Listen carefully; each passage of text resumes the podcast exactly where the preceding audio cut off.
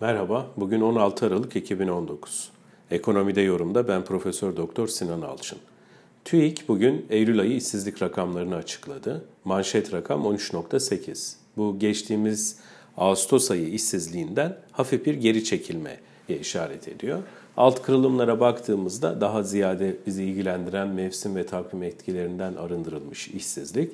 Burada da e, Ağustos ayında 14.2 olan işsizlik oranı 13.9'a gerilemiş. Yani bir zirveden dönüş e, karşımıza çıkıyor.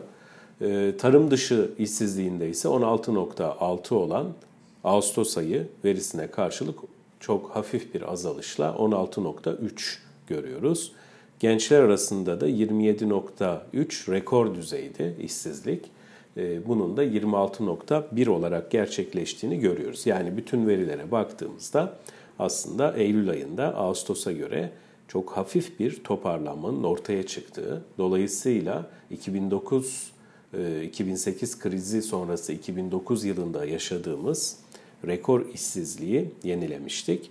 Buradan çok hafif bir dönüş olduğunu görüyoruz. Eylül ayında peki işsizlikte böyle hafif de olsa bir geri çekiliş olacağını bekliyor muyduk? Evet bekliyorduk. Çünkü güven endeksleri pozitif gelmişti. İnşaat ve perakende sektör hariç. Ee, öte yandan sanayi üretim endeksi de aylık bazda yani Ağustos'tan Eylül'e geçerken 3.4 artmıştı. Peki gelecek ay yani Ekim ayı işsizliğinde de bu azalışı bekleyebilir miyiz ya da Ekim, Kasım, Aralık yani yıl sonuna doğru buna pozitif yanıt vermek mümkün değil pek.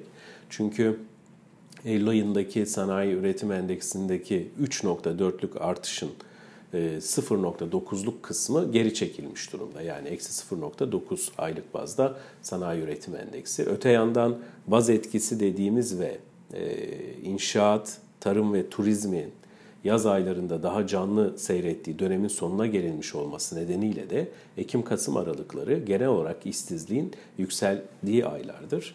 Netice itibariyle yıl sonu 14'ün üzerinde bir işsizlikle tamamlamış olacağız. Burada yine altını çizmemiz gereken e, iki husus var. Bunlardan bir tanesi bizim son bir bir buçuk yılda yaşadığımız işsizliğin niteliği. Burada işsiz sayısı 817 bin artmış.